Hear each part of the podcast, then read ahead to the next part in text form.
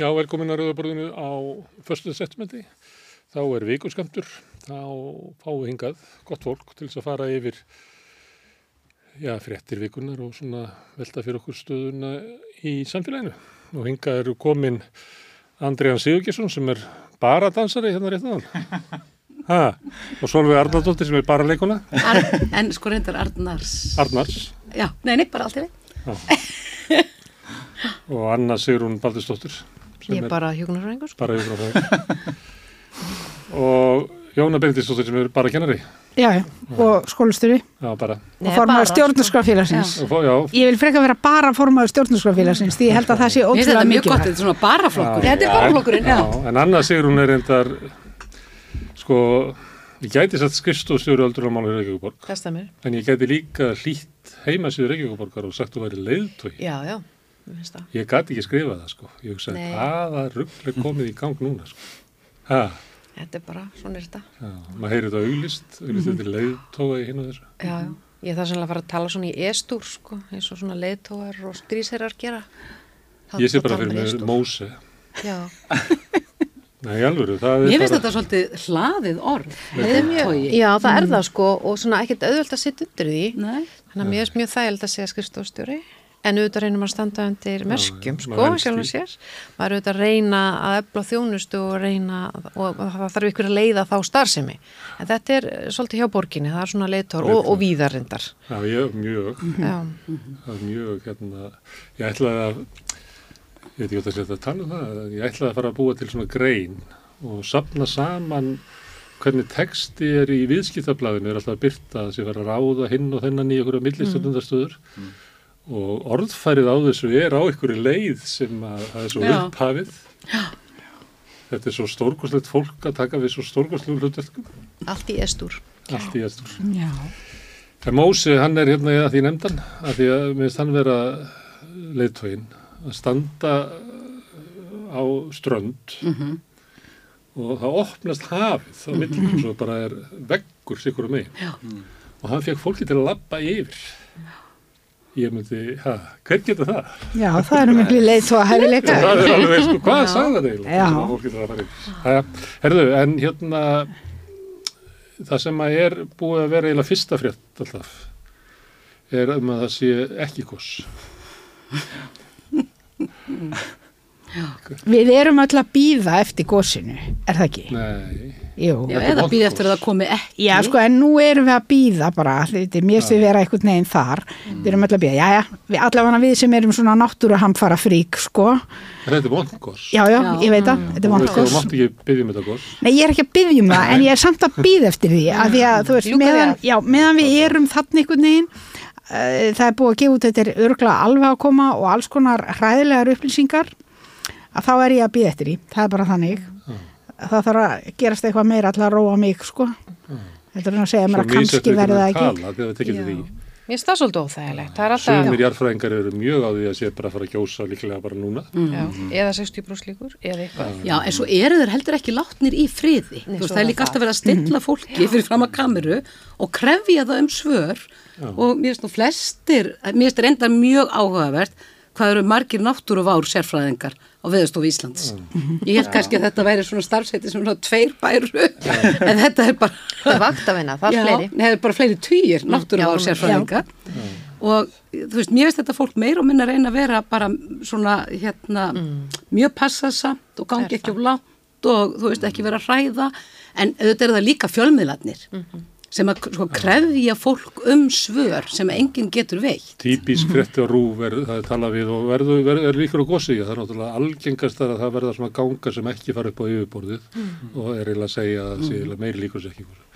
Já, samkvæmt þessu að þá gæti farið að gjósa hvað á hverju. Já, nú, Já, það já, er akkurat. fréttanum. Sko, það- við vitum sem alltaf að enda með gósi, sem það núna eftir eitt ára, tvö, tíu hundrað, þannig að við vitum það verður gós, það er alveg rögt. Já, það er nokkuð getum örugt. við rögt með það. En það sem að mann velti fyrir sér, og ég var að hugsa myndi gera því að ég sá svona, uh, og í lík í dag að það sem að, veist, uh, fólk á að sofa í Grindavík og fólk á ekki að sofa í Grindavík og þú veist að þetta er kannski svolítið óþægilegt, þannig að kannski er svolítið mikilvægt að almannavarnir séu örugla með skilabónu, allir treysti skilabónum og ég fór alltaf að velta að vera með af hverju eru, er, er lögreglan til dæmis uh, sagði um daginn varðandi lokun á var það ekki lokun í, í bláalónu, það væri ekki ábyrgt að væri opið, en það hann sagði þeim samt ekki að loka. Já. og, og hvað á bláalónu að gera, allir gaggrina bláalónu en hvað á bláalónu að gera bara svona rétt um puttan og sjá hvað blæs eða hvað eiga þeir eiginlega að gera? Ámar að treysta, það er það er óvissustig almannavarna núna það er, ekki, er komið hættustig, ég veit það Nei, ekki. Það var alltaf hann ekki. óvissu stig í morgun. Já, nákvæmlega og, og á, ámar þá við þær aðstæður þegar almannavarnir eru búin að gefa út óvissustöðu að stoppa starfsemi eða ámar að bí Þetta, mér finnst líka rekstraðalum ekki var gert öðvöld fyrir. Það myndi mig pínlítið á hérna ríkistjórnina sem að var síðan með blaðmannfundum og hún væri bara víst sammála þú veist, það, það, það, það er bara svoleiðis við, við erum ennþá í ríkistjórnina og svona, við erum svolítið skýr með svona stóra atbyrði Það er ekki bara hver ákveða fyrir sig í Grindavík.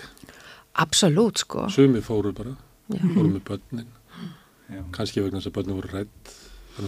Já, kannski líka skiljanlega, sko. Já, og mér finnst það líka svolítið svona, það gleymist oft þessi umræða um, veist, hva, hvernig áhrif þetta hefur á börnin, sem að skilja ekki alveg, allt innum kemur einhver járskjaldar og það kemur þessi hræðisla og að, að það þarf líka að búa til ein, einhvers konar plan um- í kringum það og þá áfalla hjálp sem að, þú veist, það getur haft í kjöl, þessi, að þú veist, með, með, á svona unga aldri að fá.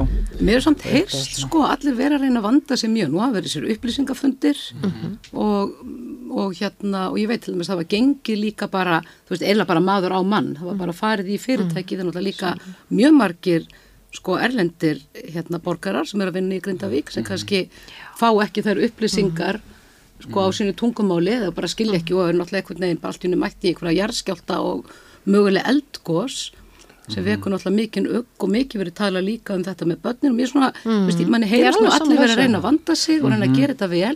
En þetta er náttúrulega bara einhvern veginn ansi erfið stað og ég held að það sem er líka að sko þú veist, við vitum alveg af því að hér hafa orðið gríðarlega hamfara gos og bara núna allir með sér frábær þátt að hérna, þetta er að rúfum skaftáreldana og þetta eru bara 250 ár síðan sko þú veist, en svo erum við bara samt núna undan farin sko kannski frá Heklugósi 48 eða þú veist, ég man ekki hvernig er síðasta sem var svona stóra stóra. Hefur þetta náttúrulega allt verið eitthvað svo næs? Já. þú veist, og ef að ég væri framlegandi hjá Disney, þú veist, þá hefði þessi góslun og reikinnesinu, þú veist, það væri þetta komið bara fyrir í svona skemmtigarði. Svona sjúklega næs gós Það var náttúrulega til skemmtikarður við þessi gós. já, já, og ég og þann var það eiginlega til. Fólk þú veist, að og, steikja egg. Já, já, Já, já, og ég meina, þú veist, það drifur sig allir, ég fór alltaf, sko. Já, já. Mér finnst ég þetta líka. bara allt því stórfenglegasta. Alltaf en það er auðvitað lúrir og ég held að það er það sem er að koma núna upp. Það lúrir náttúrulega samt þessi vittneski og þessi þekking sko lúrir í okkur. Og það er gott vegna þess sem að er alveg nöðsynlegt Já, og, og þess að þú veist, við erum með þekkinguna, við erum með viðbrasáallinni, við erum með allt á hreinu, þannig að maður vill bara að skilabúðan sé þá öruglega skýr frá opinbjörn aðalum, eru við að loka, eru við að hafa opið, hvar eru flóttalegarnar og allt sé klárt. Mér fannst ekki samfærandi þegar hérna, vísurlega voru það einstaklingarnir sem voru á hótelinu, þannig í, í bláalóninu, sem ákveðu sjálfur að fara, en það bara rýnda okkur að 40 leigubíla, þetta var eitthvað nefnir, var þetta flóttalegin eða hvað gerist þarna? Já. En, en, en við erum með rosalega, og almannavarnir finnst mér á Íslandi eru fylg fyrirmyndar stofnun. En ég var svona að hugsa, getur verið að þau fari ekstra valega núna því að núna í kjölfar COVID sko feng, fenguðu mjög mikla gaggrinni fyrir miklar lokanir menn smekir við að að hafa mikil áhrif á, á, á rekstra, rekstrarumhverju fyrir þetta, ég veit það ekki en, nei, ég efast um að þau geri það en eitthvað stað lúrir ábyggla svo hugsun að, að ef það kemur gos upp þarna, þá er það líklega mjög nærri svartsengi og blávalum. Mhm. Þannig ef það breytist, ef það kvikan leita til yfirbors, þá er fyrirvarinn mjög skammur þar. Fyrirvarinn Mhm. Já. er lengri, þú veist, það er allavega einhverjir þrý, fjóri klukkutímar í Grindavík. já, já, Já. En, en það, mér finnst það líka, þú veist að því ég er búin að hugsa oft og lesa fréttir um þetta og vera pyrruð á því að þið loki ekki bláalóninu. Þú veist, akkur loka er ekki bláalóninu? Hérna og hérna var eitthvað, þú veist að þetta snýrist um það hvort að almannavarnir segðu um að loka og þá ættu þeir rétt á bótum frá okkur hérna, ég, ég er alveg búin að hugsa þetta, eða hvort þið tækju sjálfur ákvörðun um að loka og fengju þá bara ekki inn tekjur á þeim tíma. En svo þegar hérna 40 leigubílarnir sildu þannig í bláalónið þá er þess að þetta er líka brjálæðislega orðspors áhætta fyrir rekstrar aðila bláalónsins þeir bregðast ekki við þið vitið, ef þeir láta fólk upplifa eitthvað sem að hræðir það og það, það er orðspors áhætta fyrir bláalóni þó það verði ekki manntjón eða alvarleg slís þá er það samt orðspors áhætta Fréttinir af þessu sem fór út í heim voru með bláa lónið þurfti að loka vegna hættu á að það myndi opnast bara gígur. já, já, Þetta er alltaf svo, þetta er geðvögg frétt. Þetta er Já. og eigafjallajökull fjall stoppar flugumferð. já. Það er bara svo stórkostlega frétt. Já. Já. Svo heyrði ég nú reyndar í fréttum í morgun og þá var verið að svona leða því líkum að það væru eftir að þessar hérna jarðæðingar byrjuðu núna aftur að það hefði veikt krónuna. Að krónun hefur veikst núna okkur um tveim mánuðum um 5% okkar litli ör skýta meira. gjaldmiðl og það var sett í beint samingi við þetta þannig að þú veist, það var líka, kannski líka svolítið að geta þess hvað fyrir út í heim. Já, en það er samt ekki hægt að stjórna því Nei, nei, ég þannig veit, að, nei, nei, þannig að nei, þú veist, við verðum einhvern En ég veginn er svolítið sammála, kannski er líka, þú veist, það þarf kannski bara að taka einhverja meiri svona, en svo fyrst verður þetta núna, þú veist, sitjum við hér og erum, þetta er svona pingulit eins og maður upplýði COVID. Ég finn fyrir bara aðeins að bara svona, ah, ég bara hef ekki nokkrar einustu fórsendur til að hafa eiginlega neina skoðun á þessu. Þú veist, ég ætlum að sé COVID, Nú með reyndar, áðan, nú varst að benda á skafturelda og sem íslendingur. Já, þú nei, bara, þá er ég bara að tala um einhvern veginn svona tilfinningalegt, en ég er að tala um núna viðbrögð, Ekki alltaf, ég hef þú stjórn þessu. Almannavarna, Ég bara, ég að- tristi almannavörnum. Já, þú veist, ég, 100%. ég bara, ætla bara að gera það líka, ég ætla bara að treysta þessu ég Hlýða við þig. held Ég að mögulega við sko. að það hafi meira vitt á þessu heldur en ég. En maður er samt í svolítið skjóli þó við séum ekki langt frá, þá erum við ekki í Grindavík og við erum ekki, þið veitir, við erum ekki þar á því svæði og fólki sem er þar er örgulega mun órólegra og hlustar á alla. Það samt Já, og svo þarf það samt að hugsa á ég að taka mark á þessum eða þessum, þessum er pínu óþægilegt þegar menn í takt. En þá kemur nú að þessar góð upplýsingagjöf sem að Já, sjálf já. vera nefna sem hefur verið þarna Já. og, þetta er fólk sem vant að taka því svoleiðs upplýsingu og kannski annað en svona einhverjir svona, eh, svona spekingar svona, stúdíóspekingar En svo er náttúrulega að þau verum íslendingar. Og þetta er í, í okkur þessu óg við þekkjum á sögunni. Já, og við vitum til dæmis að, að á endanum mun líklega gjósa aftur í Vestmannum og næst hættulegasti staðurinn á Íslandi að búa, þar sem að engin jarðfræðingur býr er Grindavík Já. endanum mun Grindavík farundur raun býr engin jarfræðingur í Grindavík. Nei, ég segi svona Já, já, já, bara hugsa hvort þú vissir þetta eða hvort þetta væri bara Ég svona. eh, held að Það er ekki inn í jarðfræðingur í það Vestmanni. var alltaf ekki byggt sér hús þar Ef við, tækjum sjóin í burtu, þá er hérna, heima í toppurinn á eldfjalli og það er ekki alveg normalt að setja þar bæ Nei, nei, ofan í gín. nei, nei. En það er bara eins og í Grindavík og þú veist, Hafnafjörður og þú veist, þessir, þessir bæir hérna hjá okkur, þeir eru náttúrulega bara á gömlu raunni. Sumir á, sem að hraunni á sögulegum tíma. Já, Já, já, og ég meina það er nú bara eins og, þú veist, að því ég var nú að nefna hér skafturelda áðan, að mannfall varð sko langt mest til dæmis í húnavasíslum, út á öskuvalli. út af, já, út af móðunni. Veist, og svo komur náttúrulega þá harði vetur og hafís og annars líkt. Þannig að þetta er náttúrulega, þú veist, ef við færum í hamfarakost þá myndi ekki skipta máli hvar á Íslandi við værum. nei, nei. Það væri alltaf öll eigin undir. En ég segi það ekki, þú veist, það er kannski verra að búa á eldfjalli. En einhver jarfræðingu var nú líka, þú veist, að segja næst allir með stóra verulega hættan væri, þú veist, alvöru sprengikos í hérna snæfellsjökli. Eitthvað svona sem maður er búin að horfa til og finnast bara, þú veist, dásamlegt útsýni alltaf til snæfellsjökuls frá hérna badnæsku. Já. En þú veist, það er heldur ekki döð eldstöð. En þessi Já. ógn eins og ég nefndi eigafællajökul á, á þennan að því það var svo sterk frétt að því að, að, að fjall sem að stoppar flugumfyrð sem, að, sem er hróki mannsins er svona myndur á að hann Já. þarf að beigja sig undir móður náttúru Mhm. og við lifum einhvern veginn við það, haldið það?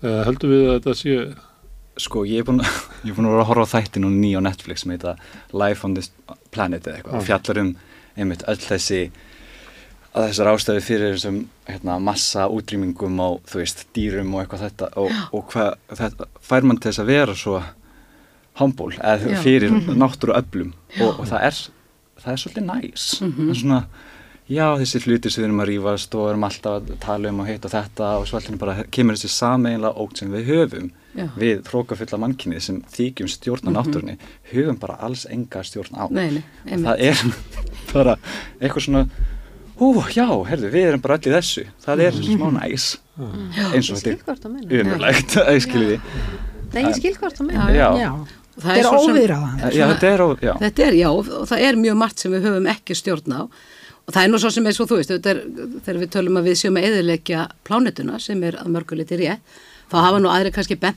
á, sko, plánetan mun alveg lifa okkur af. Við munum kannski bara eða mannkinni. Já, En, en sko plánetan jörðin, hún mun alltaf hafa það af. Hún mun hafa það betra eftir þegar við erum döið. Mjög Það er líklega, sko. Það er nefnilega sorglegt. þannig, Já. já, já. og kakkar Eiginlega- að taka yfir og Já, þeir já. þróast í eitthvað já, Allt líf verður betur sett eða losnum okkur. Já, já. það er líklegt. En hins vegar getum við náttúrulega samt sem aður svo lengi sem við erum þetta að reynda að hafa okkur aðeins betur. Það væri mjöguleiki.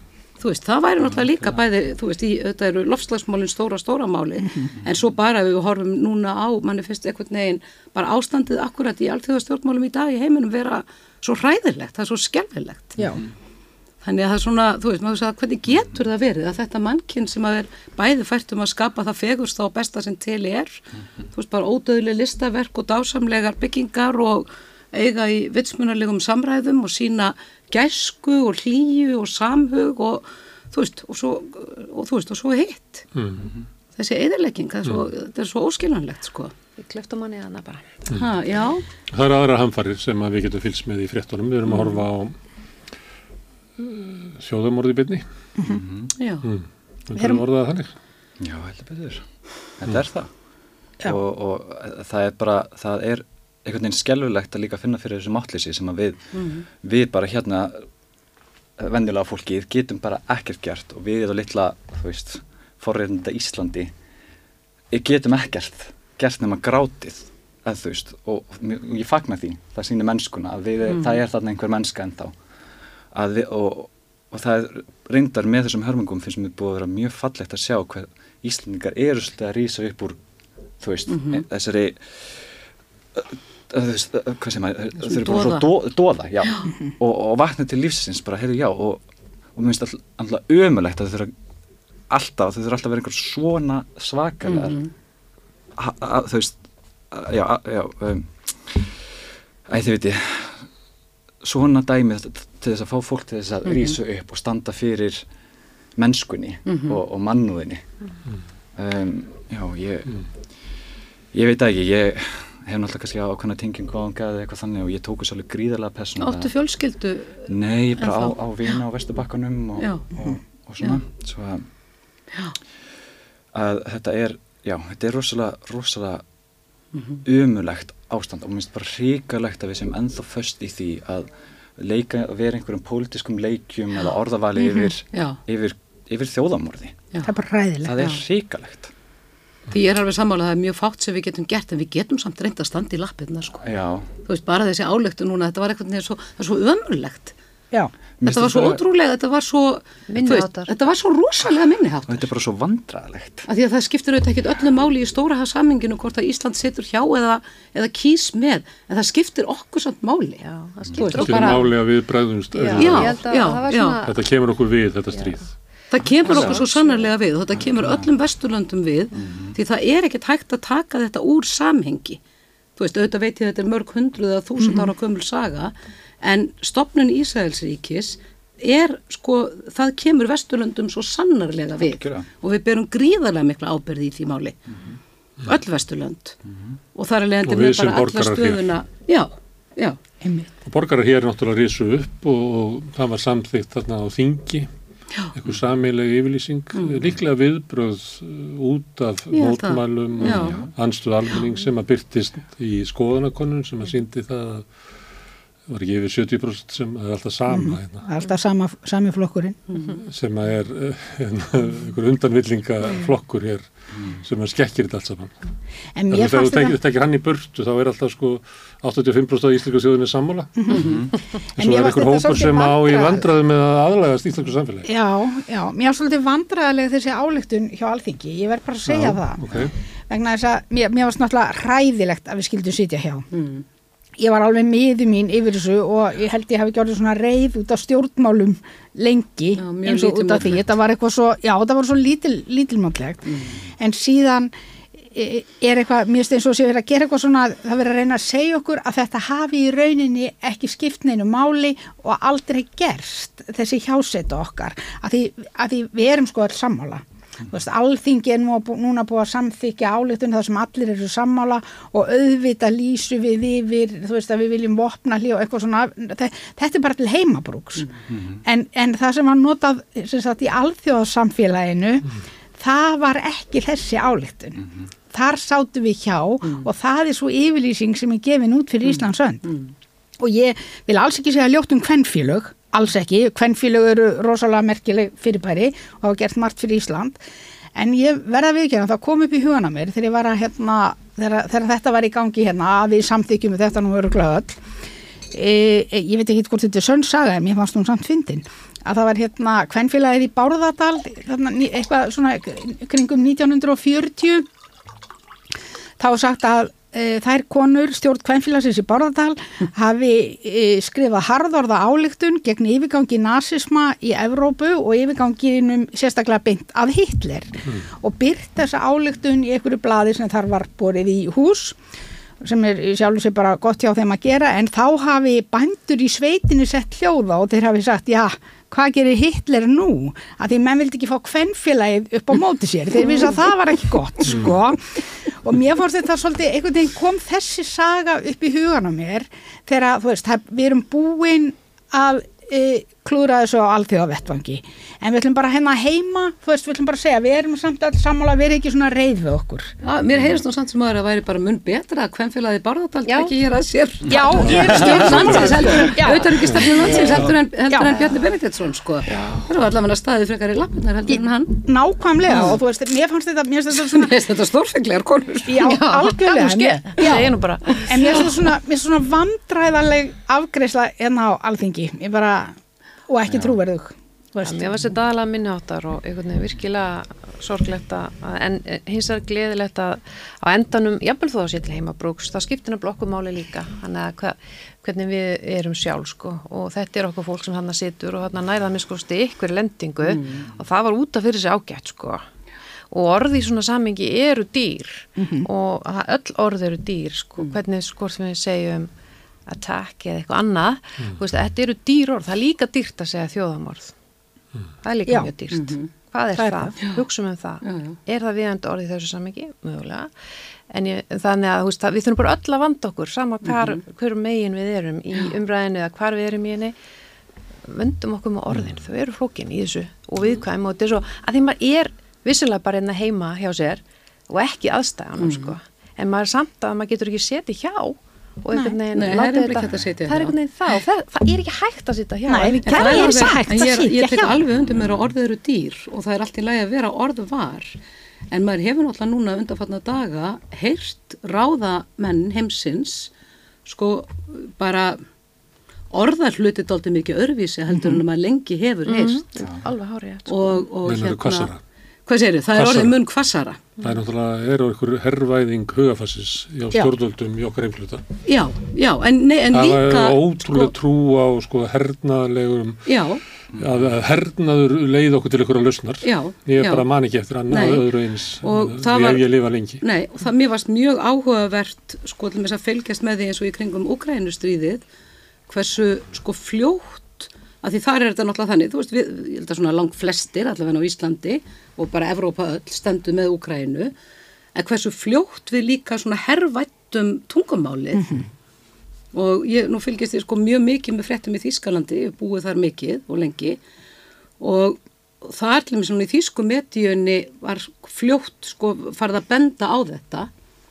Þú veist, hva, bara, þú veist þegar all, all þessi hernaðar orð voru aftur komin inn í fréttinnar að þjóðverðar er náttúrulega skiljanlega viðkvæmir fyrir því, rétt eins og núna er mjög áhugavert að fylgjast með þýsku, fjö- þýskum fjölmiðlum Þeir ráða illa við gassa. Já, já, kannski skiljanlega sko, en það er samt sem áður, ég var nú bara að lesa það í gær og það hefur líka breyst tónnin í þýskum fjölmiðlum. Hann hefur núna breyst á síðustu Já, dögum já. já. gott. og, og hérna það var að koma bara fyrir tveim, þreim dögun las ég mjög stór könnun sem sýnir sko að meiruluti þýsku þjóðverðina núna hefur snúist á sveif með palestínum og það hefur ekki gerst áður. Og í, í þessu ljósi ættum við að skoða breytinguna frá atkvæðagreislunni í samfélagsjóðunum og síðan samþyktina í þinginu í gær. Að það er að sveiblast Já. til á Vesturlöndum. Já, Okkar stjórnvöld sögðu eins og allir aðrir í upphafi að Ísraelsmenn hafa ekki bara rétt á því, heldur skildu að bregðast við, hafa bara blásið í erlúra, en síðan hefur bara komið í ljós hversu galinn þessi yfirlýsing var. Og kannski Finnst ykkur getur, getur við sagt þess svo að fólki sem að, uh, sagði þetta hafi ekki séð fyrir hvernig Ísraelsmenn myndu bregðast við, að þeir myndu gera það með þessari hörku. já, Ég held að það sé er í dálítið Mér finnst við líka á Íslandi hafa reynda aðeins aukna skildur gagvart Palestínu, einfallega vegna þess að við höfum viðkent þetta ríki. Já. og það er ekki allir sem hafa gert Nei, það. þannig að við höfum eiginlega bara svona hlutvarslega meiri skildu Já. til að horfa til stöðunar þannig að aftur hjásetta hvað hvað er að frétta?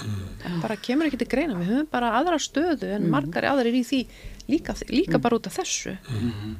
En það, þá kemur við aftur að 15% sko.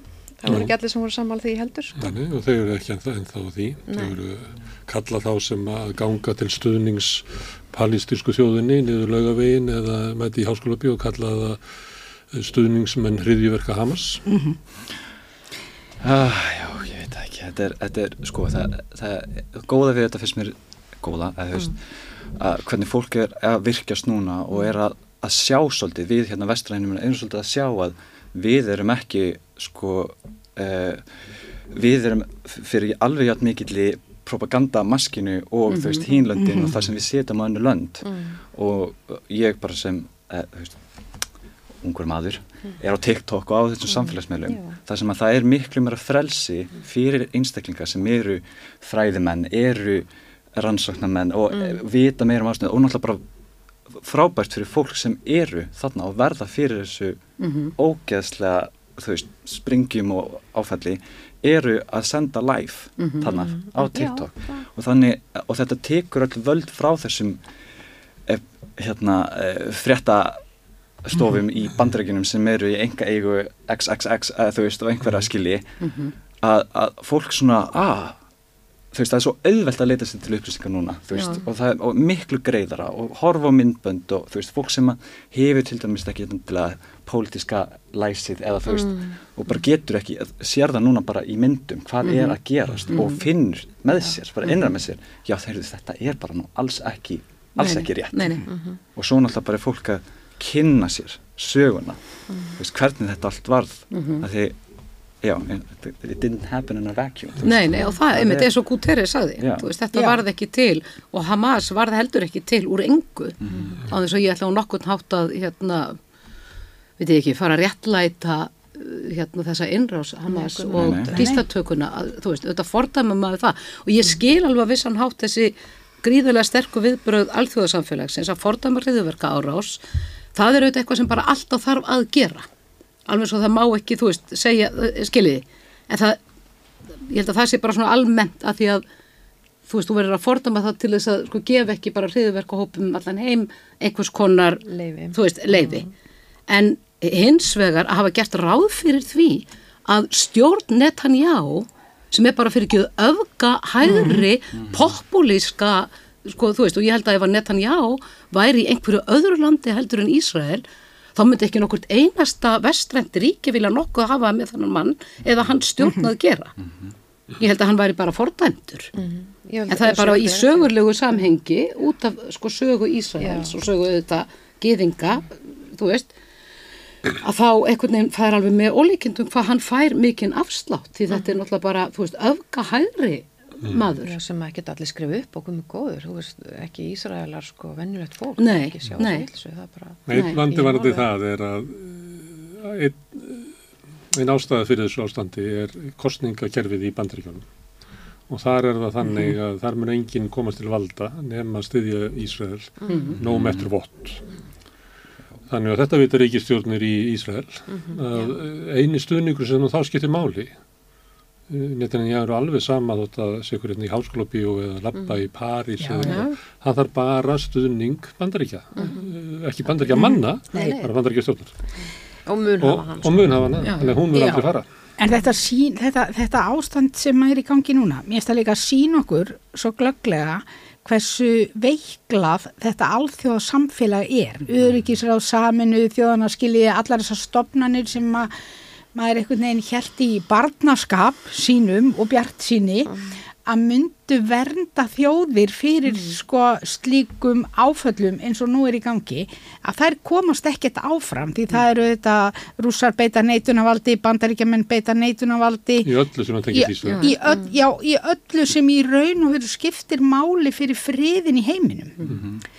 Og það sýnir manni bara hvað þessar stopnanir eru í rauninni rosalega veikar þær venda okkur ekki neitt ef einhver, einhver af þessum stóru allar að vaða yfir okkur. Þannig að þetta er náttúrulega fríðakesslu liðar að vera komnir og ganga á milli Já. stríðandi aðila.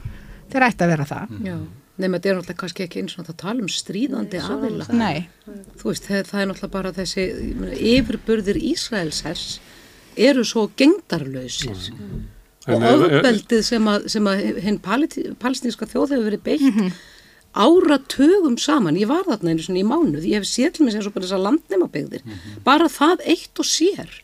Þegar byggðir einhverju nokkur, nokkur hús á einni hæð, svo byggðið önnur hús á annara hæð af, af Ísraelsmönnum. Í dalnum hérna búa býr palestinska þjóðin, býr, býr bara búa palestinumenn, svo bara laður vegur á millið þessar tvekja hæða, það er eign Ísraels, þá með það ekki lengur ganga þar yfir.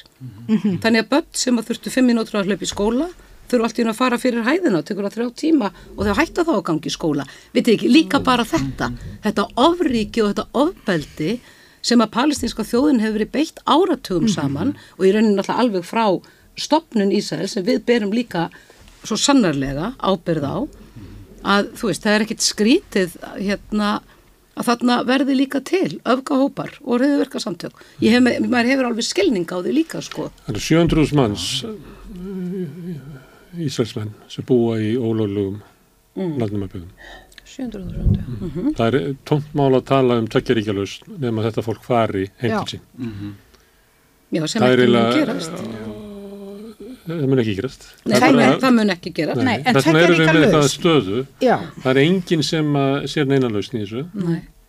og þeir sem að leggja til eitthvað tveggjaríkja lausn vita betur að hún er eiginlega dáin, Korki, Hamas, Ísraelstjórn villana. Þannig að það er eiginlega enginn sko, það er enginn að tala um leiðina útrús. Það er alltaf, alltaf sömu leiksoparnir sko, það er bæði hvað var það sko stjórnum þetta já sem að náttúrulega alveg íslensku, ég er bara ísraelskur almenningur, ég bara, ég klára því, þetta er ekki það sem fólki vil og maður heyra það líka bara og sér það sko, sama reyndar gagvart Hamas að það er líka samtök sem að palestinumenn er ekkert, þeir flikka sér ekkert á baku þá heldur, þannig ég hugsa bara því líka örlög fólks að ekki einu sem þeirra eigin kjörnu fulltrúar geta allavega ykkur negin leitt málið áfram eða meira sé að það bregst þeim sko. En er ekki bara búið að beita svo gríðarlegu ofríki, skiljiði, ofbeldis hérna, þú veit, ef maður hugsa um landnema byggðirnar og allt þetta, ofbeldismadurinn er komin svo langt að lausnin er orðin í rauninni, það eina, eina lausnin er einhvern veginn að hann bakki en hann er ákveðin í að gera það ekki. Nei, nei, með fullri, fullum stuðningi bandaríkjana og eiginlega allra vestranna ríkja. Já, Talandi um stuðning palestinumanna þá hefur Fata reyndað að fara samningsleið við Ísrael og er búin að tapa öllum stuðningi palestinumanna út af því. Er Þeir eru bara orðnir hluti af erval, enna, hernámsliðinu. það allt bregst fólkinu sko, en maður hugsa bara um almenning sko, það er ekki Já. allt sem bregst þér sem bara almennu borgar eða? Auðvitað og líka þegar þú veist öll von í pólitískum þú veist samningavirðum og allt þetta er tekið frá manni. Já, finnst hvað er þá hægt að gera? Einmitt. maður spyr sig. Já. og þetta er þú veist já þessi tveggjaríkja lausn var náttúrulega aldrei samþygt af Ísrael. Veist það var bara farið inn strax þessar ólöglu mm landnáma byggðir sem eru náttúrulega í alþjóðlegum bara bannað Já, þetta er bannað, þetta já. þetta er bannað Já. og Þeir við njóta stuðnings og- til að gera þetta. það er hrikalegt Já. að einhver ein þjóð og þetta er ekkert eitthvað fyrsta skipti sem að bandaríkinn skipti sér að einhverju einu og þú veist bara eins og í ræðisinu bætin hann mann ekki hvenar þegar hann segi þú veist ef Ísrael væri ekki þarna þá myndi bara finna annað Ísrael æskilu, þau vilja hafa einhvers konar stjórn þarna á miðausturlöndum og ég er nú svo þreyttur á þessari já þetta er eina líðræðið í Arbaskaganum eða þarna á, á, En það er ekki svona hundablýstra sem er að segja að hinir, arabanir, Já. eru eitthvað líður. Já. Ég, þegar bandrækjum segja þetta, eina líðræðisríkið með þessa ríkistjón, þá hljómar þetta betur, þeir eru að segja raunverulega að þetta er eina fólki þarna. já, já, já, já. Mér finnst þetta að vera, þú veist, svona svo kallað hundablýstur. Það sem vera að segja okkur hvað hinir eru, sko, að við eigum ekki, að þú veist, hinir séu bara rétt minni. Sem að ég held að sé alveg Það er bara, það sé áleitt bandarækjumanna mjög mörgli það veit liti ekki að þetta bandrækjan er hárasísk. já, Já. já, og það er, þú veist, það er gömul saga og ný, sko Já. Og við erum utarkistöfna bandrækjana, við bara já, já, við göngum þar í fylgjum takt og eru þar með, hárasíska Já, utarkistöfna. við speiklum hana algjörlega. En það eru öruglega, þú veist, það eru, það eru alveg í sögunni, eru svona meiri háttar kúunar tilbúrður og meiri háttar undir okun til 20 og 100 ára sem að síðan hafa breyst, sko, í Rósum Suður Afríku. Þar snýrist allt. Og hvað gerðist þar, það var ekki að því að, að hérna, bandarækjumenn gerði eitthvað, vissulega voru sko ekki allir sammálaði en það voru sannlega hérna, hvað er þetta, svona boykott á Já, einmitt. Bandaríkjana komur reyndar í svona hópin mjög seint. Ég er að segja það, var það er þetta- nefnilega, þe- þetta var svolítið svona gerðist svolítið innan úr því samfélagi, fremur en sko og síðan smá saman kemur stöðningurinn utanfrá, en það kemur innan úr samfélaginu. Og síðan þessar mjög merkilega svona bækur sem var skrifað um sko hérna sáttaliðina sem reynd var að fara síðan, þú veist að ég svo já, þarf að eftir apartheid. Já, já, svona, þe- svo lí- líður það undir lok, sko, meiri háttar undir okkur, kannski ekki hernaður, en ofbóðsleg kúun og gríðarlega undir okkur í, í tíu og, hundruður ára, sko. Þannig að ég er svona, ég er bara svona að draga þetta fram að því að þú veist, það ka- kann að vera að það, það sé ekki öll og núti. Það er er sá að bandari, það var ekki sko inngróið inn í bandarík stjórnmál að Nei. þurfa að styðja Söður Afríku. nei, nei, Nei, það er rétt. En til þess að þetta er svo linni í Palestínu, að þá þarf eiginlega að lei, eh, bara leysu bandaríkin. Jú, ok, það er, já, það er komið lausnuna. Herðu, við fyrir það. Nei, það, en heimsveldi hafa nú komið og fallið Það er sko. svo Þannig að sannarlega við getum nú- rétt, sko. þú veist, en er von Já, það er mjög spurning, þú veist, hva, hvenar á þessum plástrum sem er alltaf verið að setja að, þú veist, til þess eins að fyrir það, já, Já, já. þú veist, ástandið við, þú veist, þetta er eitt sem við mannkynnið og bara stjórnafarið er að við erum alltaf í einhverjum skamtíma lausnum, það er aldrei neitt til langtíma og ég, mér persónulega, ég spyr af hverju ekki þá bara að gera eitt ríki þú veist, Palestína Ísraels ríki, þetta verður bara eitt ríki allir jafnir, Palestínumenn getur komið heim, þú veist, allir og þú veist, og stjórnarfæri breytist og þetta heldst á, kannski áfram sem líðræði en það er það sem er hræðslan því að, þú veist, Ísraelar ég held að helmingur Ísraelar er með þarna, staðar annars staðar, geta Mhm. auðvitað bara farið tilbaka. Menn hinn eru flóttamenn já, En og ríkisfangslausir. já, En það er bara búið að búa til svo brjálæðislega mikið hatur þú veitir, með, með þessari endalösu kúun og ég þú veist, maður getur alveg skilið fólk sem hefur búið við þessa kúun alla tíð, börn sem alast upp í þessu ástandi eðlilega verða þau reið. Það verður reiðasta fólkið í heiminum. Já, já. já, já, en svo er náttúrulega líka sko, þú veist, hinum megin en maður tala við fólk að því að mér, þessi, ég var hérna í mánuð mér ást áhugast að tala við sérstaklega ungt fólk um, þú veist, ekkert þeirra stöttinni tann já eða hans stjórnastefnu þau voru öll á leiðin í burtu. Já, og mjög áhugast en þau vildu eiginlega öll flytja til Berlínar sem er svona í sögulegu samingin alltaf Það voru allt svona, ungir Ísraelar allt ungir Ísraelar, já. En þau voru líka að segja mér, þú veist, þau eru líka öll alin uppi það, til og með sískina hópur sem að fer í sama skóla, aldrei í sama strætisvagn. já, Af því að bara líkurnar á því að, að, þú veist, það var á tímabili, þú veist, alltaf svo- sprengt svo mikið. Sjómanna fjölskyldum að bræðinu með ekki vera saman. akkurat. Þú veist, hverju einustu íbúð í Tel Aviv er öryggisherbergi, sem er sprengjuhelt herbergi og þar er bara, þú veist, matarbyrðir og vatn og batteri og útvarp og eitthvað fyrir alla fjölskylduna. Um, og auðvitað sko, þú veist, þegar maður lesir til um stopnun Ísraelsríkis, þú veist, þetta er náttúrulega, þetta fer, þú veist, þetta er svo rangt alveg frá byrjun. Og nú er ég ekki, sko, ég vil taka það alveg skýrt þannig, ég er ekki að afsaka á nokkurn hátt gjörðir Ísraels hers undir stjórn Netanyahu í dag. En sögulega þá verður maður líka að hugsa um þegar evróski gyðingar koma eftir setni heimsturjöld.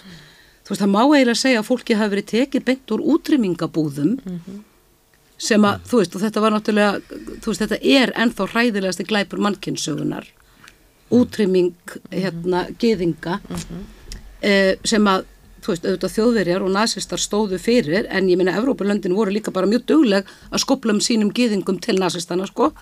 Þú veist, meira að segja Íslandingar sjálfur sko. Já, já, ég er að segja það, Íslandingar, þú veist nazistana sko. Nei, nei, þú veist, þannig að þetta var svona, þú veist, en ég meina þeir eru bara valla komnir úr útrymmingabúðunum upp í skip og eru mættir bara á höfnina þegar að auðvitað öll Araparíkin í kring ráðast gegn þeim og þetta var auðvitað bara að vita, þannig að það er svo óskiljanlegt að uh, til þessar, hérna, Því stopna við þessar vildum ekki ríkis. hafa það hjá okkur Nei, sko. við vildum ekki hafa það hjá okkur. var nefnilega máli Já, það snýrist um það Já, og í dag, ég meina, það er ekki, sko, það er ekki viðlitt að það hefur eftir að stopna Ísraelsrík í dag því þetta brýtur í báa við svo óendanlega marga mannréttindasáttmála. Þetta er svona landvinningar, þetta er eins og Já. hvíti maðurinn í Já, nei, Ameríku, þannig að þú veist, þetta bara fer skekkjan, Já, já. þú veist, eru hvíti sko, maðurinn í á- Suður Afríku. Já, þú veist, Þetta er einhvern veginn stannið dæmi. Sko. já, En samt að því var, ég var aðeins að reyna að minna á vonina sko, því þú eiginlega konst inn á eitt sko, þú talaður um hatri sem hefur verið svona eingróið og svo, svo sannlega, en þannig er börn og barnabörn, eða barnabörn gýðinga sem hefur voru í útringum að búðum sem að byrjast bara svolítið góð hugmynd að fara til er Berlín. Já, Já, Já. Það er von. einmitt, það er von. já, já, það er svo sem alveg rétt líka. Það sko. var andi hatrið og marga kynsluður. Ég talaði hérna við eh, uppkomið flóttabatt frá Bosníu um daginn, Jasmínu. Og það er svo áhugavert í hennar sögu að hún er hérna, Bosníu muslimi og bjó svona nálagt Serbíu og hennar borg er þeim megin í dag eða það sem eru serbar sem að búa. Mhm. Og hún lýsir þessu, var, ég held að vera 11 að 12 ára, þegar það bara gerist á einni nóttu. Allt í henni er hún óvinnur, Mhm, já. af því að hún er muslimi og allt í henni er hún réttlus, hefur engi borgarlega réttindi, það tekið húsnæðið af, af fóruldrunum, þau eru komin út, með má ekki taka við þeim, það sem er tekur við þeim getur lent í einhverju slæmu, þau búa í einhverju óbyggðu húsi, einhverju starf út í einhverju sveit sem er bara ekki vasselt eða neitt. Mm. Pappina sefur út á akrinu vegna þess að koma hermenn og taka hérna kallanna og lemja það á, á, á, á kvöldin. Það er ekki á einni nóttu. Mm. Þannig að það er eins og, það er svo þunn. Er Mennskan okkar er svo þunn. Já, já, Það má ekki hósta á hana. Í gerð voru Skæni. 85 ár frá Kristalsnóttinni. Ha, 85 ár í gerð frá Kristalsnóttinni. já. 85 ár frá Kristalsnóttinni og það er bannað að halda mótmálafundi í Þískalandi til að stiga Palstínu. Veist, ég, ég fekk eitthvað svona, ég fekk rosalega, rosalega eitthvað svona kremju í kringum hjartað þegar það Já, já, en ég meina, já, já, en það var líka í gær voru stór ljósaskilti, eða ljósastafir á Brandenborgarliðin í Berlín, það sem stóð ný vída est jetzt, Já. því að ný vída er þetta sem þjóður að segja alltaf, ný vída er bara, þú veist, aldrei aftur, aldrei Já. aftur, á þessu hefur verið hamrað í Þískalandi frá lokum stríðsins, eða, já, þú veist, Já, eft- allavega eftir að þetta alvöru uppgjör hófst. Og en nú hafa bara árásir á hérna gýðinga, þeim hefur fjölgað svo gríðarlega. Og það er bara talað um að sé sko mjög mikið bara, þú veist, gýðingahattur hafi aukist alveg gríðarlega þannig að núna segir ný víta er stjætst bara þetta, aldrei aftur er núna, Þetta er komið aftur. þetta er sko. komið aftur. Þú veist, hins vegar er líka fáránlegt að því mér finnst Þískaland vera bara stórfenglegt algjörlega. og þeir hafa, þú veist, ótrúlega umræðu hefð og það uppgjör sem þeir fóru í eftir setni heimstyrjöld en líka svo eftir fall múrsins. Er náttúrulega alveg, þú veist, það er alveg með ólíkindum og þess vegna er þetta, veist, það, en þegar kemur að Ísraelsríki og þegar kemur að, sko, gýðingum og antisemitisma, þá bara þeir ráða ekki við það Nei.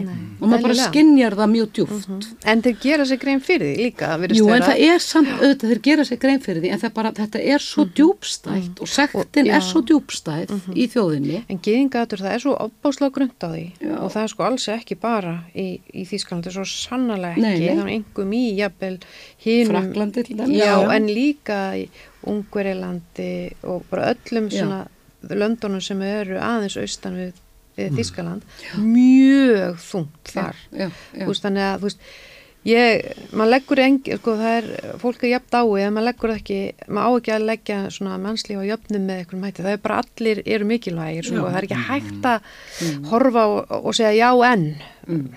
Það er bara bæði, ræðilegt Já, já, Já, já, já. algjörlega, svo náttúrulega einmitt eins og þú segir, þú veist, svo má ekki gleyma islamafóbíinu sem Sem er sem er líka að Akkurat vaksa sagði- núna. sem er líka ástæðu. vaksandi og er búin að vera alveg gríðarleg Já. nú tala ég líka bara, þú veist, ég ólst upp sem muslimi Mm. og maður, móðu mín og móðu fjölskyldi mín, muslimar flestir og þú veist, ég man alveg eftir því þú veist, ég, ég, ég man ekki hvað ég var gammal þegar 9-11 gerðist Já. og Mm. svona svipað ég bara úf, herrðu, við erum slæm og, og þú veist, öll þessi orðræða um að, að vera muslimi sama sem terroristi. Já. og við erum ennþá rosalega föst þar. Mhm. við sem vestræni ríkin erum rosalega rosalega uh, fljót í að já, já, já. flokka. Flokka og segja já, terroristir og þú veist, og við sjáum það í orðræðu og í fréttum.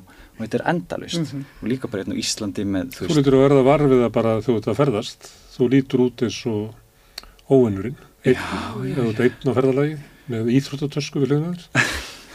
Já, ég, Ég, ég, bara, ég myndi rekna með því að þú erði varfið svona Já, já, smá áreiti, augnagotur, það, er bara verið að kenna okkur þetta. Já, já, óttast unga menn frá Norður Afríku. en þetta gerist líka bara þegar ég fjölskyldan þannig stutt eftir 2005 þá fórum við heim til Indonesia og, og bræðið mínu voru með og veist, og þeir heita muslimskum nöfnum Mm. uh, já, flesti, já, já, allir. Og, og þeir voru alltaf teknir til hlýða Mm. spurðir, allt var hans eitthvað voru að missa fluginu og mamma grátandi þú veist. Og, og svo, þú veist, og þetta er Já. þetta er ennþá svolítið þarna Mhm. þú veist, og orðræðin er ennþá þarna. Og það, það er fólk finnst allt í lægi rétt eins og þegar við vorum öll gegn síðan og það væri allt í lægi að ráðast inn í Írak og drepa miljón manns. Að, við vorum, vesturinn ríkin bara, já og svo núna erum við bara, já, fyrir gefið því. En- en hérna pælistunumenn, þú veist Já, maður er eitthvað alltaf aldrei að læra. Já, já, já, einmitt. Og ég bara, ég, þú veist og, uh, ég, náttúrulega í hinn fullkona heimi þá væri trúabröð ekki svona Mhm. mikið inn í pólitík eins og hún er þú veist og, og, og að hægt væri að tala um trúabröð þannig að þetta eru trúabröð Mhm. og, og, og það má, þú veist vera að skipta skoðan á þess að þú sért að hérna uh, blöskra minni trú eða þú já, veist já, og já. hva, ég hef rétt á því að trúa því sem ég trú og bla bla bla þú veist. Að, að það væri bara ekkert í þessu mengi en Já. það er rosalega stert ennþá þú veist. Að fó, fólk er réttlættir hitt og þetta mm. því að við trúum því mismunandi hvað gerist við okkur eftir dauðan sem við vitum bara ekkert. Skiljið þetta fyrir er þannig að svo er þetta sami guðin fyrir utan Og- það hérna allir frá Írak, að, þú veist, og Abraham er frá Írak já, já, og þetta er mér svo alveg ótrúlega að koma til Jérúsalem og sjá þú veist, þetta eru 200 metrar frá sko Kristskirkjunni já, þú veist, yfir að grátmúrnum og svo að moskunni. Mhm. Þetta er, mm þú veist, það eru 200 metrar á milli. Þessar þryggja stóru trúabræða og í rauninni er það sami guðinn Mhm. í öllum Já, þremur og maður hugsa bara, þú veist, ég, ég ætlum bara fór í alvörun að há gráta þegar ég var Þetta er þarna. nágrannærir. Já, að því en ég hugsaði bara, guð minn góður. Þú veist, öll þessi sko miljón og miljón og miljón líf sem hafa, hefur verið eitt og allt þetta fólk sem hefur verið sko kvalið og drepið og, þú veist, ráðist á og pintað og, ef vitið ekki, út af þessu. Þetta, er, veist, þetta er bara, þetta er það sama. Þetta er Þetta er, eru 200 metrar á milli.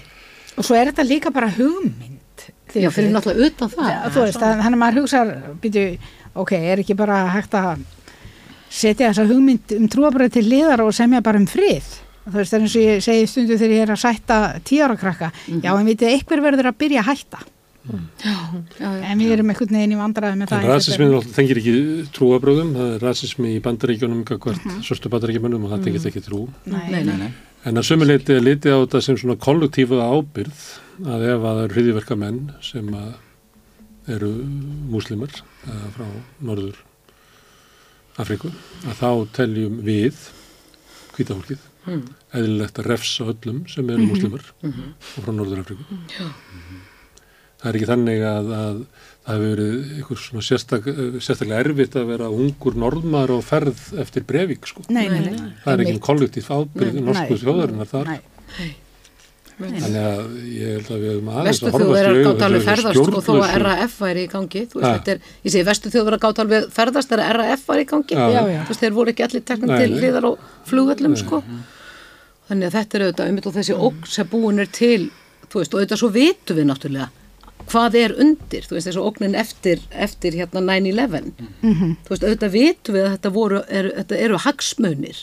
Þetta er eru auðvitað, þú veist, og hagsmunir á þessu svæði og þetta eru peningar og völd og áhrif og olja afleðing af uh, ofbeldi Já. bandarækjaman út um allan heim þú veist, sömuleiti er ekki að undra að ofbeldi hafi komið heim til þeirra Nei, nei. nei, nei. Herðu hérna Bjartur í Sumarúsum sagði hérna spurti við tíu miljón manns við myrtir í gamni utanlands sannlega meðar súpa hel, ég sér ekki farið vel aftur móti vera annað stríð er að fara að Íslands hérna stittan af sér að Friðrik. Maður bjóður upp á það?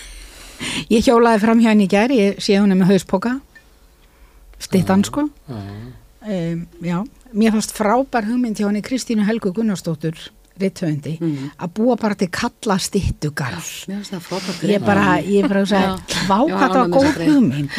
Það bara að því að, þú veist, allt, mjög margar af þessum stittum, þar höfðu þetta kannski gildi, ég er ekki að tala sérstaklega um stittun og sér að fyrir ekki, bara tala um stittur almennt, þar höfðu gildi fyrir einhverja á þeim tíma sem þar voru búnar til, en núna þegar þau veitir eins og börnin segja um hérðin Valdimarsson kallin með SMS-ið, þau veitir og eitthvað svona, það er bara frábært að búa til svona kalla stittu garð og þá bara hægt að fara og skoða þessar stittur velta fyrir sér fyrir hvað hver og einu þeirra stendur en svo láta þær okkur borgar hana í friði þess á milli og Þetta var taka Ingól Arnarsson þræla haldara já, væri það ekki bara fín setja En- bara fallegt tréðna í staðin Manni finnst þetta eiginlega alveg En Hallgrímsson? einhverja svona stittur. Jónas. Hallgrímsson bara alla, all í garðin þetta er, þetta er leist Já, já. Bara já. en já, ég, þetta, svo er þetta að því að e, það eru rosalega fáir sem eru óumdeildir þú veit, eins og eh, af, af stýttukollunum og allir meiða þeir eitthvað sjálfsagt sko, eða meittur sem eru náttúrulega svo langt síðan þeir dóa þeir eru hættir að meiða. Þannig að mér fannst þetta bara, bara já, frábær hugmynd. Þetta er góð hugmynd, ég, ég stið þessa hugmynd. En haldið eitthvað viljið taka við styrtugarðinu ofta erfitt að koma hérna, hérna Kannski einhvers smá, smá húsum fyrir Reykjanesbæ. Það er bara yngri hann hann var svartsengi steipa nú ofan í mér finnst það mjög lausna með Já, það Já, þá skal ég allir líka. kallar það er búið að ákveða það. Já, Herðu, uh, Ragnar Þór og Ástalóa vilja reka Áskir Sælabakastjóra ég, Finnst ykkur það að Áskir Sælabakastjóri sé með aðgjörum sínum að grafa undan lífskjörum almennings? nefnir, ég veist bara íslenska krónan fyrst og fremst, grafa undan lífskjörum almennings. Ég held að Áskil Sæðlabókastjóri, þú veist, stjórni henni nú ekki. Hann er náttúrulega sjálf hættur ef þú tekur krónin í burtu. Já, þá- já, Já, ég er bara almennt Þú mjög hlýtt að þú veist, ég meina ég öfunda engan sem að þarf að vera eitthvað að að möndla með þennan gjaldmiðil, sko. Þessu Og- svo róti á.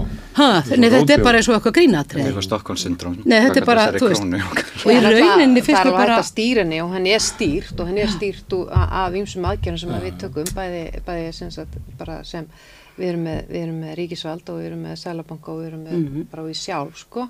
Hún er stýrð í, til hagsmuna einhverju. Já, það er Já. hanga sem ég er að fara með þetta, Akkúrat, sko. Ég hjó eftir því að, að hérna, ég tók eftir því í dag að maskina var að byrta könnun sko og þá kemur ljósa vinsaldir sælbankstjóra verðast haldast í hendur við hækkun stýravexta þar að segja að hann er greinlega, hann er bara svona detta í vinsaldir Davís samkvæmt þessari könnun. Og, eða Hann náttúrulega var rosa vinsælt þegar vextinu voru lágir. Já, Já, það líklega liggja nú það svona einn af svona helstu místökin þar í svo lágasta stíði þarna, þú veist, eða místök eða hvað sem þetta var, ég, ég hef ekki vita á þessu en, og En þú ert að alveg að andmæla henni að hún segir að vilja vera losna á krónuna en það er Já. ykkur að stýra krónunni. Þú vilt freka að vera losna þessum sem er að stýra krónunni. Nei, ég- nei, ég er eiginlega ekki, nei, ég vil losna þessa krónu Nei, það sem ég er að Líka. segja, hún lifir ekki sjálfstæði lífi án og við erum ekki á valdi, við erum ekki, sko, einhver, við erum alveg örl, örlaga valdir þar sjálf Já, já, líka, já. en þá, og, þá ég meina við sem samfélag hvernig við ákvæma stýrinni, eins og þú ert að nefna Gunnara, það er í einhverju hagsmuna Já. og það, það er ekki, ekki fyrir ungt fólki, var að hugsa það nefnilega núna í gær, að ég, þetta er stóra vandamáli virðist nú vera að ég gera á fyrir að rúla í húsnæðismálin líka að hérna ungt fólk náttúrulega á mjög erft með að komast inn á markaðin og svona og, og hérna uh, sem, sem að, og þá fór ég að rifja upp að nú er ég nú svona aðeins eldri en ung og hérna á dætur sem eru búa báðar heima og eru komna báðar á 30 aldur 22 og 20, eða 21 og 25 og bara allt í góð með það bara svo svona eðlilegt og maður heyrir þetta þetta er mjög mikið um þetta að þeir sem hafa tök á því að búa í fóröldur gera það. Ég man mjög eftir því að þegar við vorum bungar mm að hérna og maður var í háskólan þá voru að koma krakkar frá uh, hérna austantalslöndunum, þá erum við að tala um sko Rúmeníu og Sovjetríkjónum sem, eða semst Rúslandi sem voru að koma í skiptinum og það sem okkur varst langmarkilast við það hjá þeim, það var að þau bjökull heim í fóröldur mm Mhm. þau hefðu ekki pening til þess að flytja heim. Þá var ég 25 Dæmi ára. um að sovjetkerfið hefði brúðist. Það var dæmið um það, okkur fannst það sem að voru bara að leia eða fóröldar hefðu kipt íbúð eða eitthvað eða maður bara Ég sendi nú einmitt á síni um merkilegt, daginn. sko. Það var einhver, einhver ítalskur ellilífist já. einhver kona Já. sem að kærði sinni sína. Já, hún myndi losa til að koma það þeim út. Hún vann málið. Hún vann málið. Að. Ég sendi þetta náða þá, blessa það. Nei, en ef þú segir sko, að hún, eldaði fyrir sig og Já, hún átti bara um eitthvað service, eftir með það eða? Nei, ég er reyndar mjög lítið heima á kvöldin þannig að þeir sjá nú alveg sig. Já. Nei, en að að segja að mistökin hafi leiðið í lágvakstastíðinu það kann vel að vera undir þessari krónu Já, já. en lágvakstastíði sem að var hér um sex vikna skeið eða svo, eða þú veist, ég með ekki hvað þetta var sem að þá auðvitað fyrir líka bara alltaf allt í rugl og húsnæðisverði fyrir úr öllu valdi og eitthvað.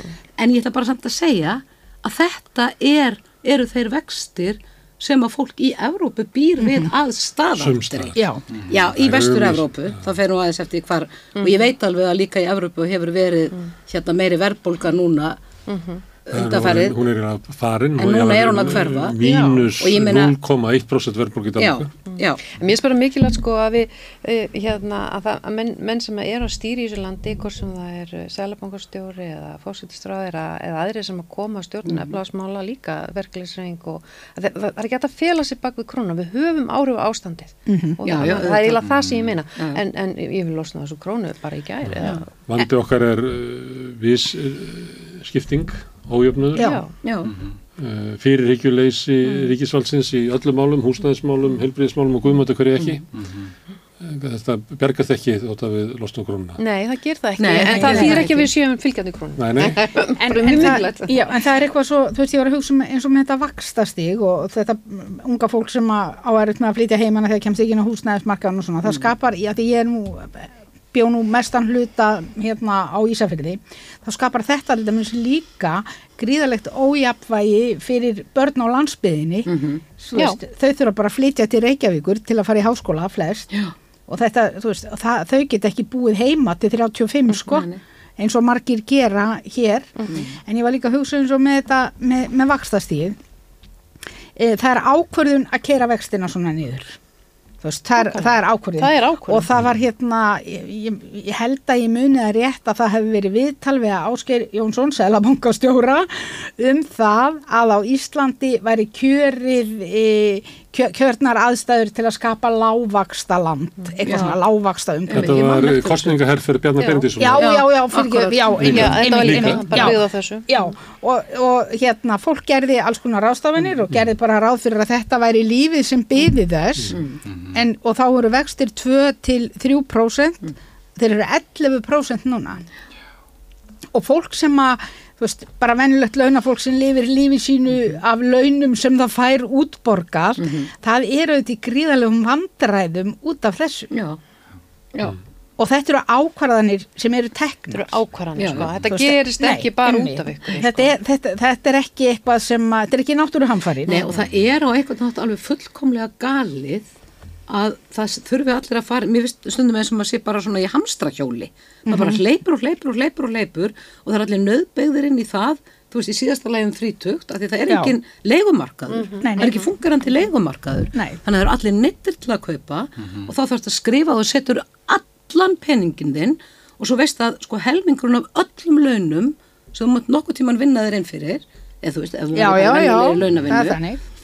og er ekki bara að borga fjármástekjuskatt nei, þú veist, mun fara í að greiða af einhverju húsnæði til 40 ára, þannig að maður gera þetta um 30 og bara um svona 70, ertu kannski búinn. Þá ertu búin að greiða þetta lán kannski þrisvar eða fjórum sinnum. En þú hefur heldur ekkert yfirlit yfir það, þú veist, hversu mikið þetta muni verða, þú veist, hver bara, þú veist, vakstabyrðin er, hva, þú veist, hversu mikið hluti af peninguðinum á hverju mánuði mun fari í þetta. Og veist bara að þetta er óendanlegt. Já. Og þetta er þetta algjörlega Fólk hefur nú verið að sína greiðslusalina sem að borgar kannski sko 380 krónur þar að fóru 12.000 krónur til þess að greiða niður Já, höfstun. Já, já. Akkurat. Það er þannig. Já. Ég skoðaði, eh, sem sagt að því að ég flutti nú frá landsbyðinni til Reykjavíkur og, og hérna var bara þess vegna eins og svona fyrsti kaupandi í Reykjavík og hugsaði hvað venjulegt launafólk sem að búið að vinna í 40 ára eða rúmlega það, eitthvað svona, gæti nú gert fyrir sparnaðinn, þið veitir, sem að eitthvað, eitthvað uppsafnað svona. Og það var hægt að kaupa svona pínu litla pínlítið hús, agnalítið hús og taka 35 miljónir króna að láni.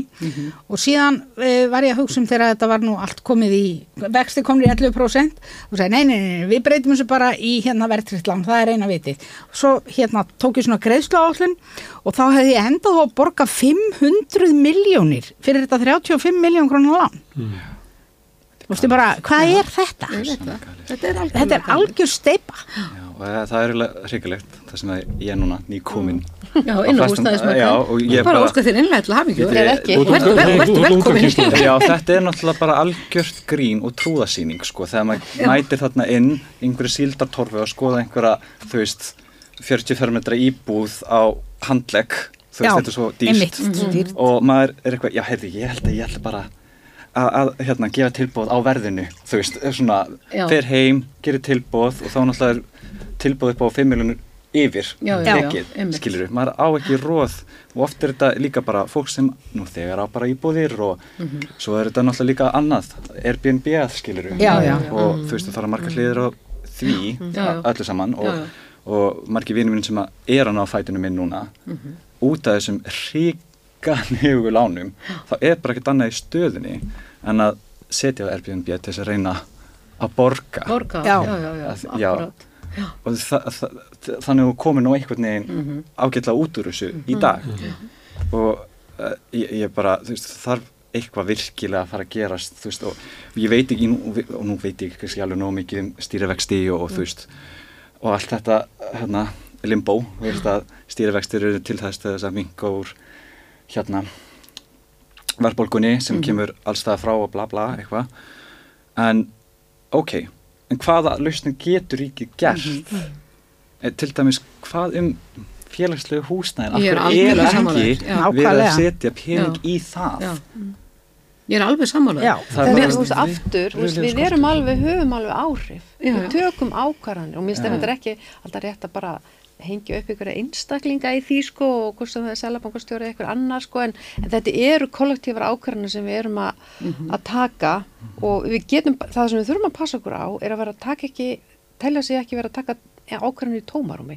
Að þín ákvarðanir verður svo sem eina sem mun áhrif hafa. Það verður aldrei þannig sko, hvort sem þú vorst að hækka stýrivextana eða, eða gerir of mikið eða of lítið aðaldi ríkisfjármálanum sko, ekkert af þessu er í tómarum en mér finnst oft fólk koma þannig fram að veist, ég er búin að gera mig farinn og svo bara mætið þú í sildatunnan Við vorum að ræða hérna, húsnæðismál út frá sjónahóli fátækra í gær hérna, við Rauðamorðið. Það var ráðstöfna á einhvers, svona hótunum.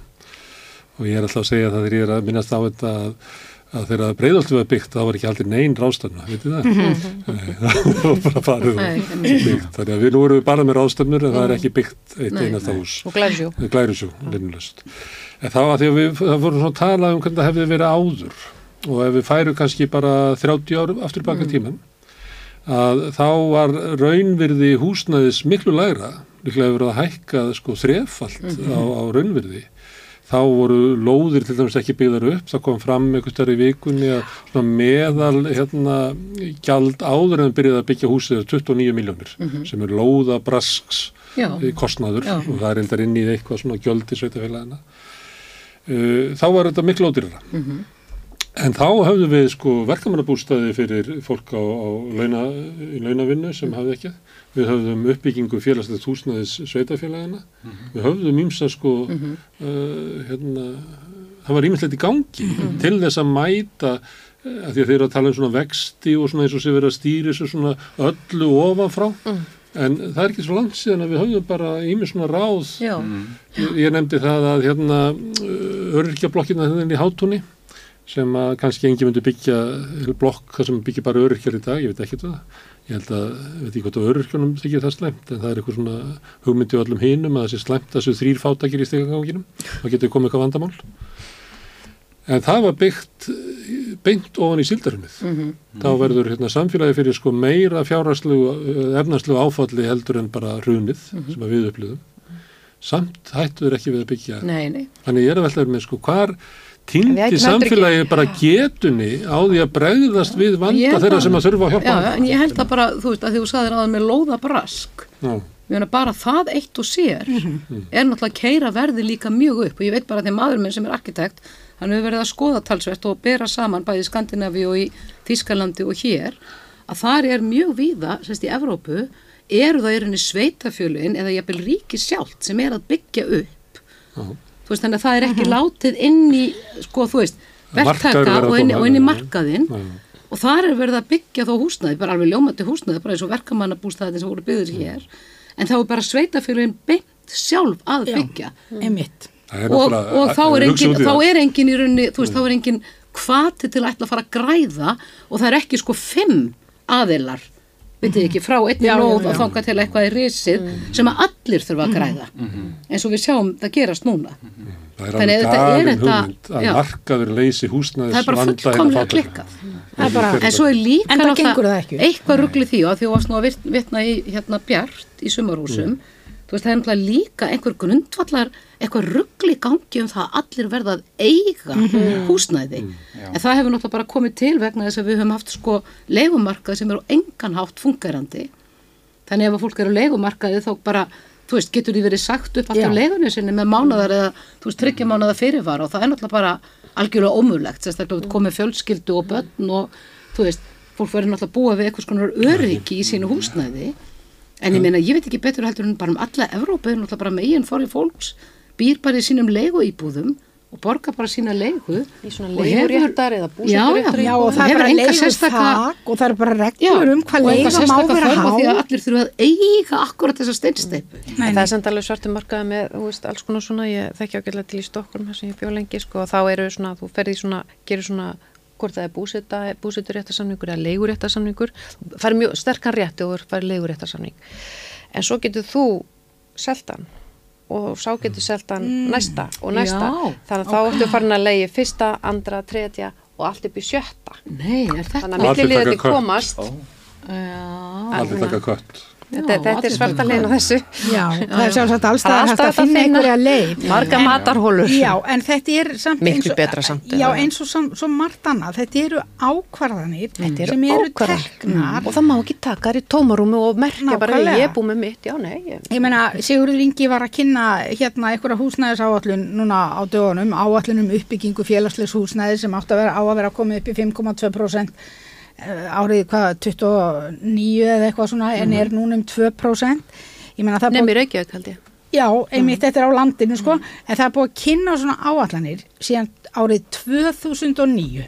Hefur hver ríkistjóðinu eftir annari kynnt svona rosalega flottar áallanir, en það hefur ekkert gerst. Staðan hefur bara versnað. glærutnan hafa orðið betri. Já, jú, jú, þeir eru að læra að gera á kanva og svona. En, en, en það er að því þetta eru ákvarðanir um að beina fjármagninu, beina ágóðanum þangað sem honum er bein þetta eru þær ákvarðanir. Það, það gerist ekkert í og Það maður eru kæra alltaf- samlinga framöndan og verkefnisreifingin talar eins og þetta til dæmis húsnæðsmáli verði risamál. Já. og sömuleyti talar verkefnisreifingin eins og hún ætli að breyta stjórnastöfnunni í flestum málum í húsnæðismálum, í skattamálum. Uh, hvað hafið þið trúið því að, að, að verkefnisreifingin mæti saminuð uh, til ykkur samninga og taki þessa ríkistjórn sem að er ekki saman á neitt og einhvern veginn svínbegi hana til þess að taka hér upp mannúðlegri stefnu í flestum málum? Hækka barnabætur uh, styðja við Já. húsnæðiskaupendur og leyendur stórfelda húsnæðisuppbyggingu auka fér til heilbriðismála til öldrunamála þetta er allt hægt. Þetta er, ég veit þetta er alltaf hægt. En mér finnst Finnbjörn Alvíkingur Hermansson koma mjög sterkur inn sem fórseti ASI hann í rauninni, mér finnst hann koma inn sem svona e, aðili sem virkilega vill reyna sameina verkefnisreifinguna Það verðist nú vera eitthvað ákengt í því, það ekki? Já, mér, mér finnst það, mér finnst hann virkilega að koma sterkur inn og ég svakalega ána með Reynslan af sundrungurinn síðast var ekki góð. Nei, nei, að. Það Því var við ekki vorum gott partí. komin með dálítið saman eða Já. ótrúlega svona sterkar og, og hérna og maður hafði á tilhugna að þetta væri bara svona breið samstaða Lífskjara samlingur almennt talið Já. vera góður Já. á innan veist, og svo sundrast þetta allt og enn eina ferði maður, horfði maður upp á þetta og sagði bara, vá hvað er gaman hefði mér valöld núna, Já, alltaf nákvæmlega. bara mói, bara þú veist, látlaust verið að skjóta upp kampavistöpunum, sko Já. þú veist, Ég sko- ég held að samstaðan skiptir því að ef þú ert með breiðfylkingu þú veist, það er hægt að breyta öllu Já, já, það er hægt að að Fjöldi þetta getur breytt gangi öllu vel. að já, vera samstíð. já, Já. já, Þegar við erum fleiri. já erum þessi alltaf eru En svo, sko. svo, það er eitt Já. sem að ég tók eftir bara núna hérna í kjölfar hérna, aðalfundar samtaka atvinnlífsins og þau, þau höfðu gert könnun um svona hvað byr í milli. Og þá gerðu þau sinns könnun meðal sinna hérna, sinna hérna meðlima og svona úrtakshóps þetta er sem Gallup sem gerir þetta og Gallup er með eitthvað svona viðhóshóp eða eitthvað. Og það kemur ljós að það ber ekkert eins mikið í milli og maður hefði haldið. Til dæmis þegar fólk er spurt sko og þetta er svona áhugavert, þú hefði spurt kannski fyrirtæki eigandi spurt til þú sé rúm fyrir launahækkan hjá þér og x margir segja nei, bara alls ekki. Og mjög svipa margir af þeirra hérna hér, þeir sem að vinna hjá þeim segja það sama en eh, samt er nú ekki vissum að þegar, kom, svona, þegar það fólk mæti síðan til kjærasamninga að það sé þar sko, það sé að launa, launþegin sko, en það er, ég, er, að ég er hérna með þemað vonin sko, en að það er sem sagt hérna, það er sem sagt, mér finnst eins og það, það sé nú möguleiki mér, allavega með þessu kunni, hvernig ykkur til að kynna ykkur hún er bara þarna á, á, á heimasínu þeirra, ég geta hann í morgun.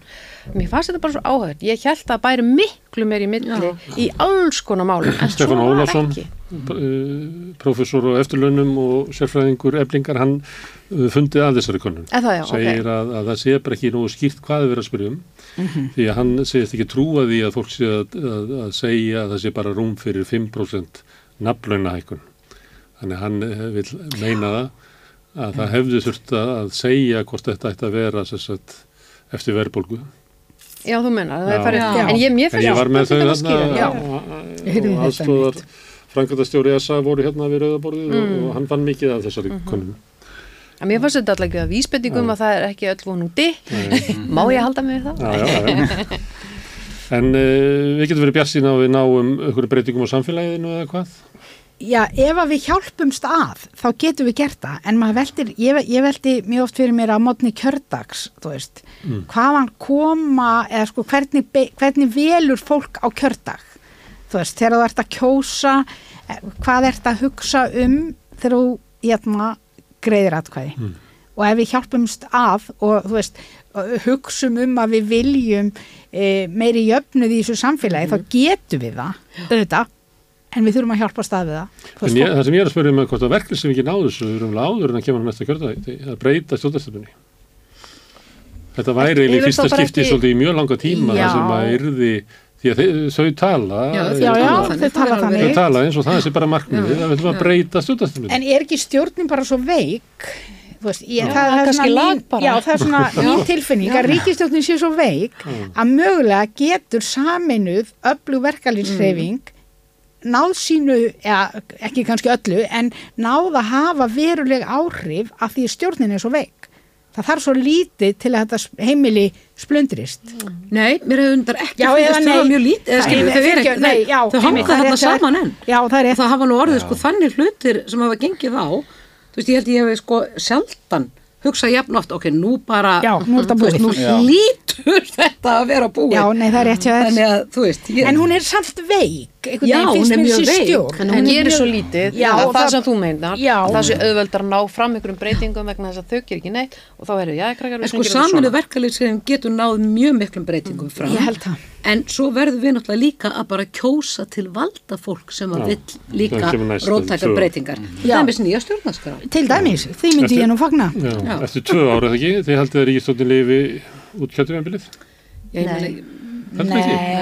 Heldur ekki? Nei, Heldur að Já, sé hvað ekki hægt að fara aftur á Heldur þau þingu? lufsist þetta ekki áfram? Ég Nei, ég hef ekki trúið því. hvað er getur það til að sprengja hana?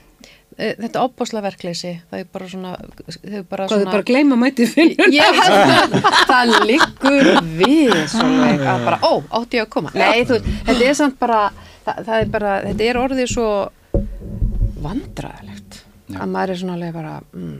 En úst, það er samt með svona fylgiflokka sumra, sko, það, þetta, þetta er erfitt, ég þekki það, því að ég starfaði jú fyrir ríkistöðun sem var aldrei ekki vinsal Þraut reynd í pólitík. Þetta er rautrindi pólitík, ég var aðstofamaður á þeirra í, í eftir, hérna, eftirhunds áriðin sko. Sem er bara uh, doktorsnám í pólitík að Það er fara í það. gegnum þá ríkistöld. Já, Já. Það, það var það og bara áhugavert í alla staði og kynntist mikið á góðu duglegu fólki og sumulegis ekki eins góðu fólki, þetta er eins og gengur en þú veist, það er, e, það er svo mikil, það er mjög erfitt þegar fyrir að þrengja svona að að vinsældanum sko. Það er erfitt því að fólk sem er í pólitík og ég, ég vil þó ég hef starfað í pólitík þá er ég ekki pólitíkur að þá hérna sko fólks í pólitík, það, það, geng- þú hlýtur að skilja, það gengur út á að fólki líki við þig. Það er Já. svo leikarar og dansarar. Já. Þetta er svo leikur að Ég horfi til ykkur, Já. ef engin myndi fíl ykkur, myndu, þið, þið eruðu leið, það er verið erfitt að mæti vinnuna. Leikópur Já. myndi leysa stöð. Já, Það er- það það er það ekki klart, klappa. þetta er persónulega, en svo þetta hafa þau svona,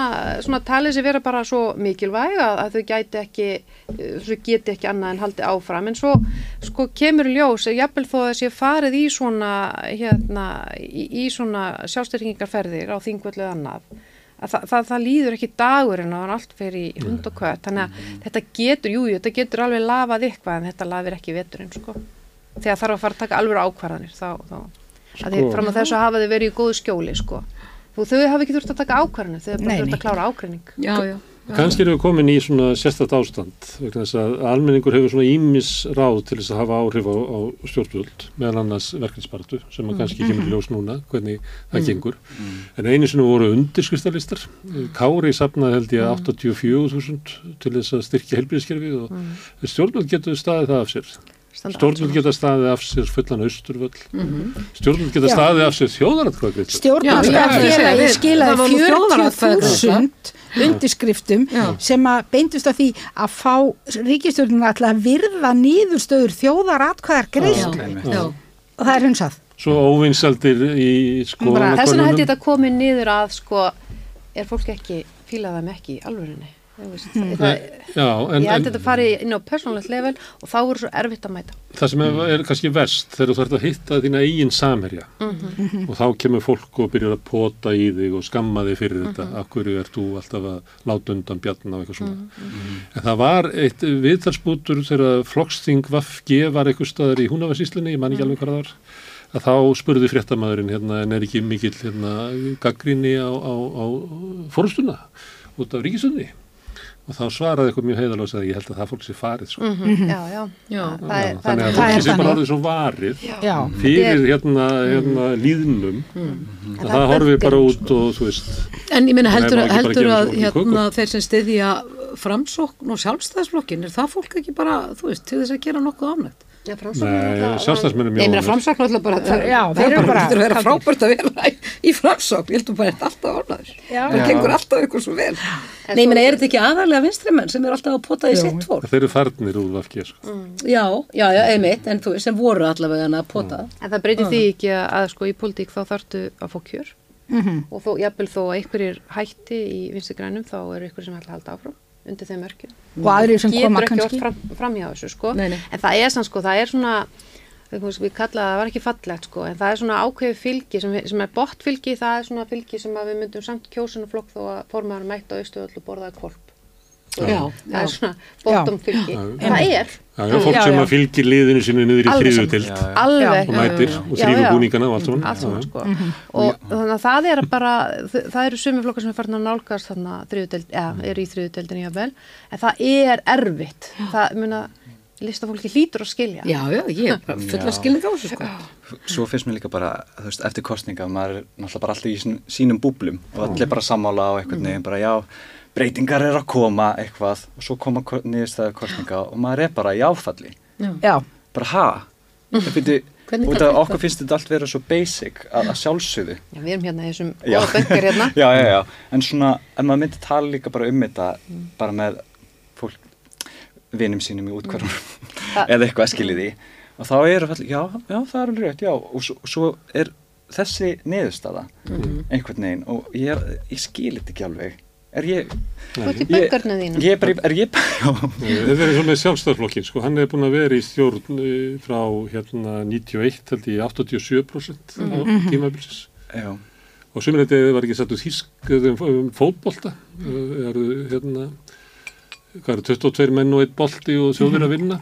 Já. kostningar í Íslandi er þannig að það er kosið alls konar flokkar en sjálfstæðarflokkurinn er í þessu Já, það er svolítið þannig. Og þrátt fyrir, finnst mér, ég veist, mér, mér finnst allavega að ég hafa upplifað rosa margt svona, svona stjórnsýslulegt klúður á þeirra vakt. Því ég er náttúrulega er nýflutt úr norðvestu kjördami og ég get bara ekki fyrirgefið þetta kostningaklúður hana og, og síðan að þetta, að þetta skuli í rauninni líðast. Af því að mér finnst einhvern veginn þetta, þetta er náttúrulega kannski tengist því aðeins að mér finnst það að verið trafkað á mér að því ég tók þátt í þjóðaratkvæðagreislu þar sem meiri hluti þjóðarinn var sammála mér og svo er bara sagt fokkjú við mig mm og okkur öll hana Ég hef kosið í norvestu kjördæmi mjög oft og allt í einu siti uppi með það, ég veit ekkert hvernig hefur verið farið með atkvæði mitt.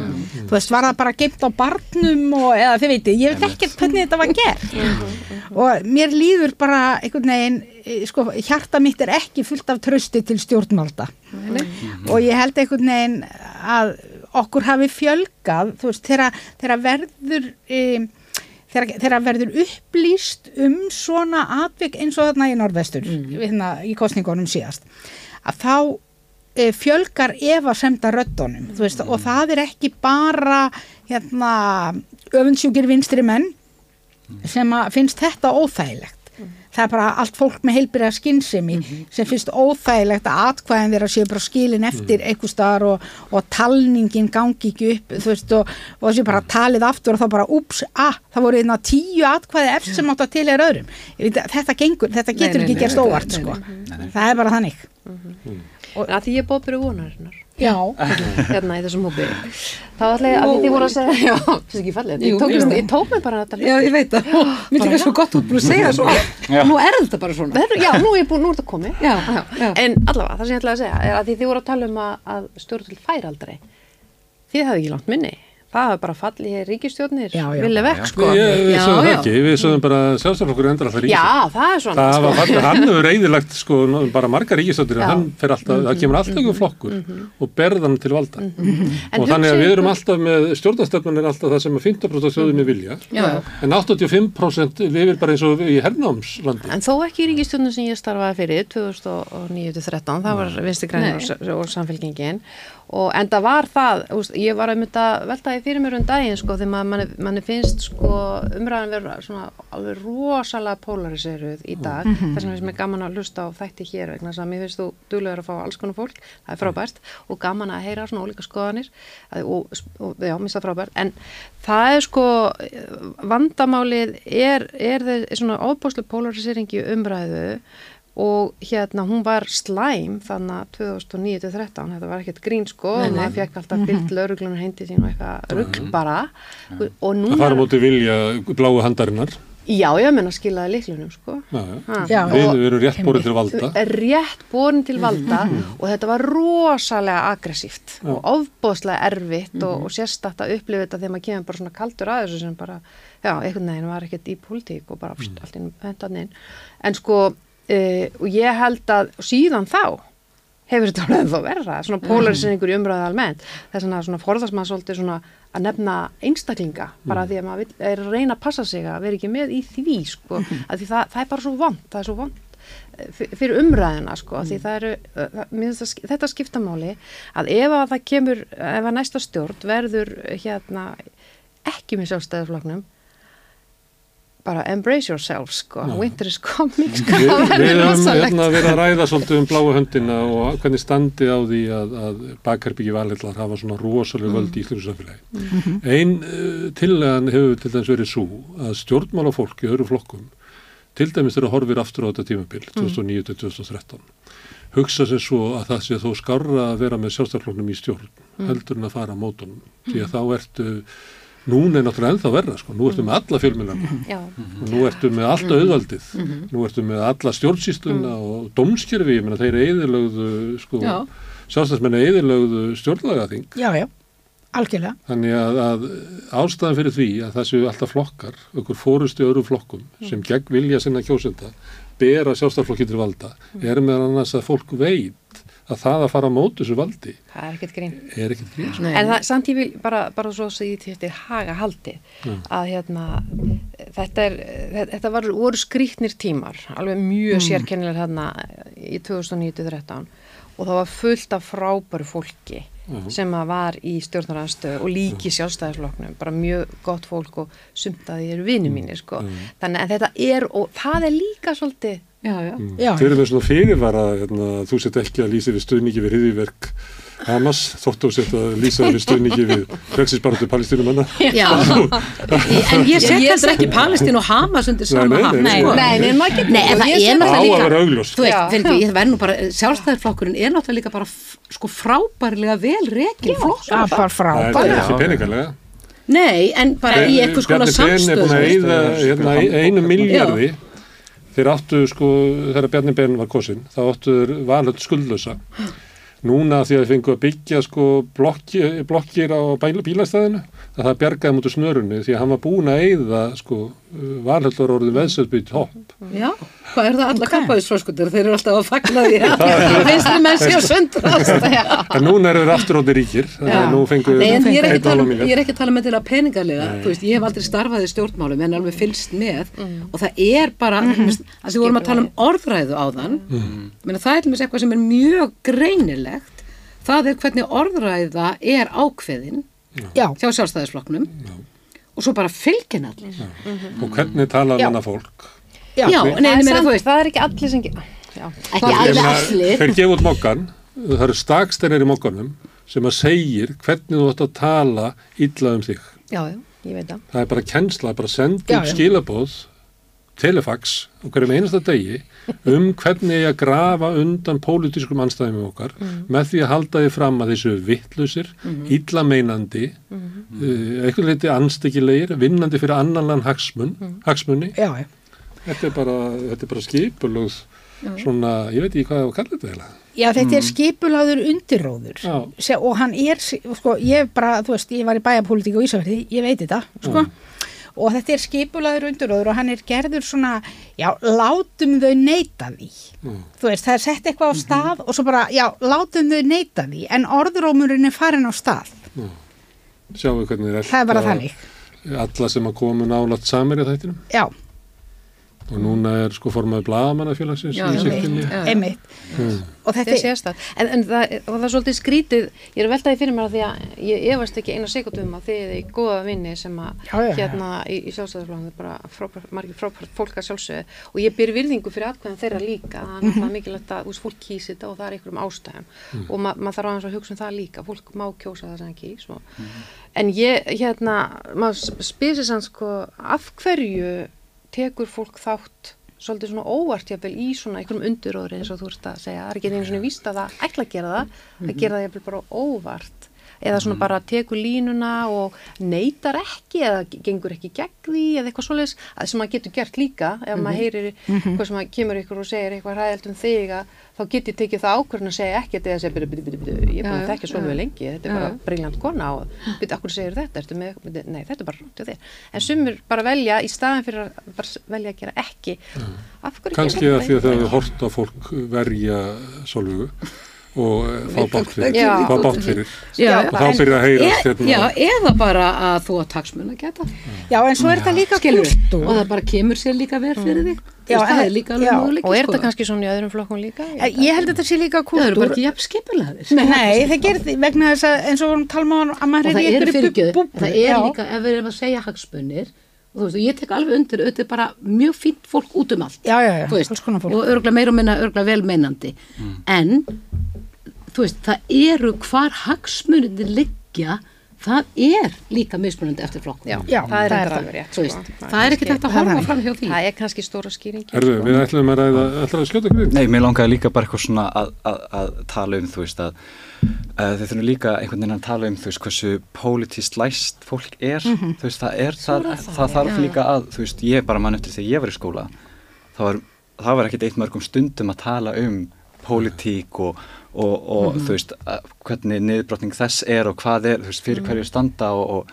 og þessi gaggrinu hugsun sem, þú veist, maður þarf alltaf að fara að læra bara sjálfur Já, já. eftir skóla, nema að hafa tekið félagsfræði eða eitthvað, þú veist, í, í mentó eða, eh, skilji, mér finnst það alveg vanta þetta er betra á. Norðurlandunum sko. Já, þetta er það betra á og það eru mjög margir sem að er bara, já, ég veit ekkert um pólitík og fylgja svo bak við það og fylgja svo bara fjölskyldu litnum einhvern veginn inn sem í er sem er pólitík. Sem er pólitík, en sko, en svo getum við bara við erum ekki pólitísk og kjósum bara sjálfstæðisflokkin það, er, það var svona í gamla dag Já, já, það var ekki Já, að já. þetta. var eintalega satt á Ísafyrði þá erum við búin, en þið tóku svona korter aukarlega, það er eiginlega auka þáttur hérna eftir sem var í sjálfsaflokkin. Já, Takk ekki kjalla fyrir það. Ég ætla að slá botnin í þetta núna. Andrian, Solveig, Anna og Jóna, gera það ekki fyrir að ræða hérna við, við mig um samfélag okkar og hérna, við erum alltaf reyna að skilja það hérna við rauðaborðið. Og hlustundu þakka ég kjalla fyrir að staldra hérna við og hlusta á okkur. Bendi á að framundan er helgadaskrá uh, samstöðunar. Uh, klukka nýju í fyrramáli þá er helgispjall, Margret Ágadóttir leikona kemur þá til mín og segir mig frá uppvexti sínum og áföllum uh, frá föðu sínum uh, og fleira sem hún ætlar að segja okkur frá. Það verður síðan úrval úr þáttunum e, vik, vikunar þáttunum vikunar bæði í rauðaborðinu og miðjunni og uh, fríðar viðræðum og reykjavíkufréttum og alls konar þáttum verður hér á morgun á Sunnudaginn kl. nýju er mótmæli í morgumat eða friðaviðræður, rýmislegt hvað þátt, sá þáttur heitir og síðan í verða, verður þjóðmála þátturinn sinir eigils. Þetta er helgadaskan sem er framöndan, hvetið ykkur til að fylgjast með og segi góða helgi.